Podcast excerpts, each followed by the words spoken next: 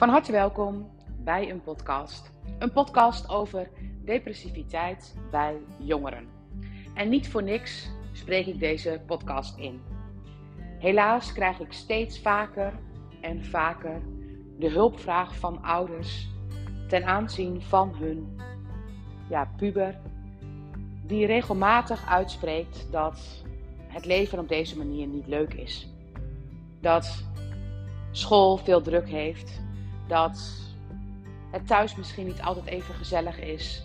Soms weten ze niet eens precies onder woorden te brengen wat er aan de hand is, maar dat het een depressieve neiging is, dat is voor ouders vaak heel duidelijk, want dat is ook de hulpvraag die ik dan krijg. En hoe kijk je vanuit de Germaanse geneeskunde en vanuit de presentiaalmethode naar depressiviteit bij jongeren? En niet alleen natuurlijk bij jongeren, ook bij volwassenen, bij ouderen, um, wellicht zelfs al bij jongere kinderen.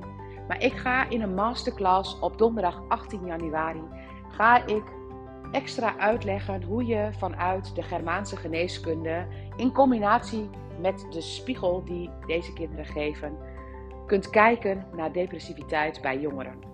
Want een schoolarts die ik sprak vertelde mij dat ze al jarenlang een schoolarts is en dat ze schrikbarend veel kinderen treft die het zwaar hebben.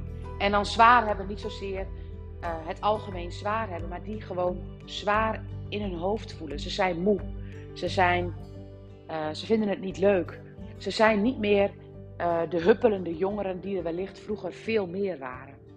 En ze is jarenlang schoolarts en benoemt daarin ook dat de coronaperiode daar duidelijk een ommekeer in heeft gebracht. En dat het er zeker van tevoren ook was, dat we dat niet moeten miskennen, maar dat de periode thuis wellicht een verandering heeft gegeven. Ik denk in positieve zin, maar het wordt vaak uitgelegd als in negatieve zin voor deze jongeren. Want er is een soort opening gekomen van als je thuis bent, wat je, hoe het dan is. En dat was wellicht niet altijd leuk voor alle jongeren, maar het is belangrijk om te zien wat laten deze jongeren ons spiegelend zien. Want depressiviteit is in de biologie iets wat normaal is. En zeker zijn daar conflicten aan de hand, zijn daar thema's aan de hand. En die conflicten die gaan over territorium ergernis, die gaan over territoriumverlies, die gaan over identiteit. Die gaan over allemaal thema's die in de basis eronder kunnen zitten. En heel graag neem ik je in die masterclass mee hoe je naar die thema's kunt kijken en wat die thema's precies zijn. En hoe deze thema's ook absoluut gelinkt zijn aan de coronaperiode. Want het moment dat je, want schrikangst hoort erbij, territoriumangst hoort erbij. En we zijn in die periode best wel bang gemaakt. Bang gemaakt om in contact met elkaar te zijn. Bang gemaakt om iets te kunnen doen. En daarnaast, wie ben ik precies? Ik denk dat heel veel volwassenen ook, toen ze thuis kwamen te zitten, ehm, het aan één kant misschien heel lekker vonden en heel vrij voelden. Alleen aan de andere kant misschien ook beseften van, maar weet je, wil ik dit werk op deze manier nog wel? Net als deze jongeren misschien ons laten zien, willen we het nog wel op deze manier? In deze masterclass neem ik je hierin mee, want ik denk dat we naast dat ik heel graag uitleg hoe de depressiviteit in elkaar zit, wanneer je depressief wordt, en jongeren zijn daar gevoeliger voor, want um, deze conflicten horen bij het ectoderme systeem, die ook direct te maken hebben met mannetjes, met vrouwtjes, met hormonen. En in de masterclass leg ik dat volledig uit. Maar daarnaast denk ik dat het goed is om te zien welke spiegels deze kinderen geven. Want het moment dat jij opschrijft over jouw kind, waar jouw kind tegenaan loopt, zou het dan kunnen zijn dat jij eigenlijk hetzelfde voelt. Maar dat we eigenlijk allemaal maar weer doorgaan met het leven waar we in zaten. En dat we allemaal eigenlijk ergens een bepaald gevoel hebben van: oh, dat was echt wel een fijne periode. Of andersom, dat je beseft van: hé, hey, is het eigenlijk wel zo leuk samen in het gezin?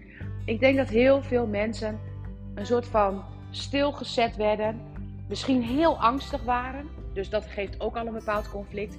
En daarnaast waren er mensen die echt beseften van wie ben ik op mijn werk? Wie ben ik thuis? En onze kinderen spiegelen dat. Onze kinderen hebben deze periode meegemaakt en onze kinderen hebben dat ook bij ons gevoeld, hebben ook die conflicten in ons gevoeld. En hoe zouden we dat wat die kinderen ons spiegelen, hoe zouden we dat kunnen vertalen naar onszelf en daar onze winsituatie uithalen? En haal je de winsituatie voor jezelf eruit, dan haal je hem automatisch er ook uit voor je kinderen. Ik denk dat het tijd is om niet alles neer te leggen bij het onderwijs, niet alles neer te leggen bij ehm, misschien voeding of bij de telefoontjes die ze allemaal hebben. Misschien zouden we eens kunnen kijken wat die behoeftes van die kinderen zijn. En of dat niet precies toevallig die behoefte is die wij als volwassenen ook hebben. En hoe zouden we dan voor onszelf die behoeftes kunnen creëren, zodat deze kinderen dat ons niet meer hoeven te spiegelen. Graag neem ik je mee in een speciale pod, podcast niet, in een speciale masterclass op donderdag 18 januari om half tien. En mocht je denken, nou dat is echt een zeer onmogelijke tijd, weet dat je altijd in de, de masterclass, in de replay, toegestuurd krijgt na afloop van de masterclass. Deze kun je dan 30 dagen terugluisteren. En ik weet ook dat naar aanleiding van deze masterclass er best wel eens vragen zouden kunnen komen. En mocht je een vraag hebben, ehm, dan kun je deze stellen op maandag 29 januari om half tien. Ik stuur als je je in hebt geschreven voor deze masterclass automatisch een Zoom-link naar je toe, zodat je deze maandag mij specifiek vragen kunt stellen uh, over de thema's die bij jou zijn aangereikt naar aanleiding van de masterclass. Om in elk geval deze jongeren te zien en misschien ook wel deze jongeren in onszelf te gaan zien.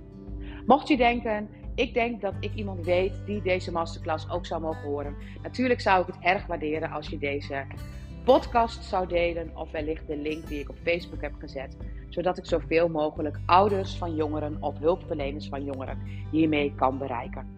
Dankjewel voor het luisteren.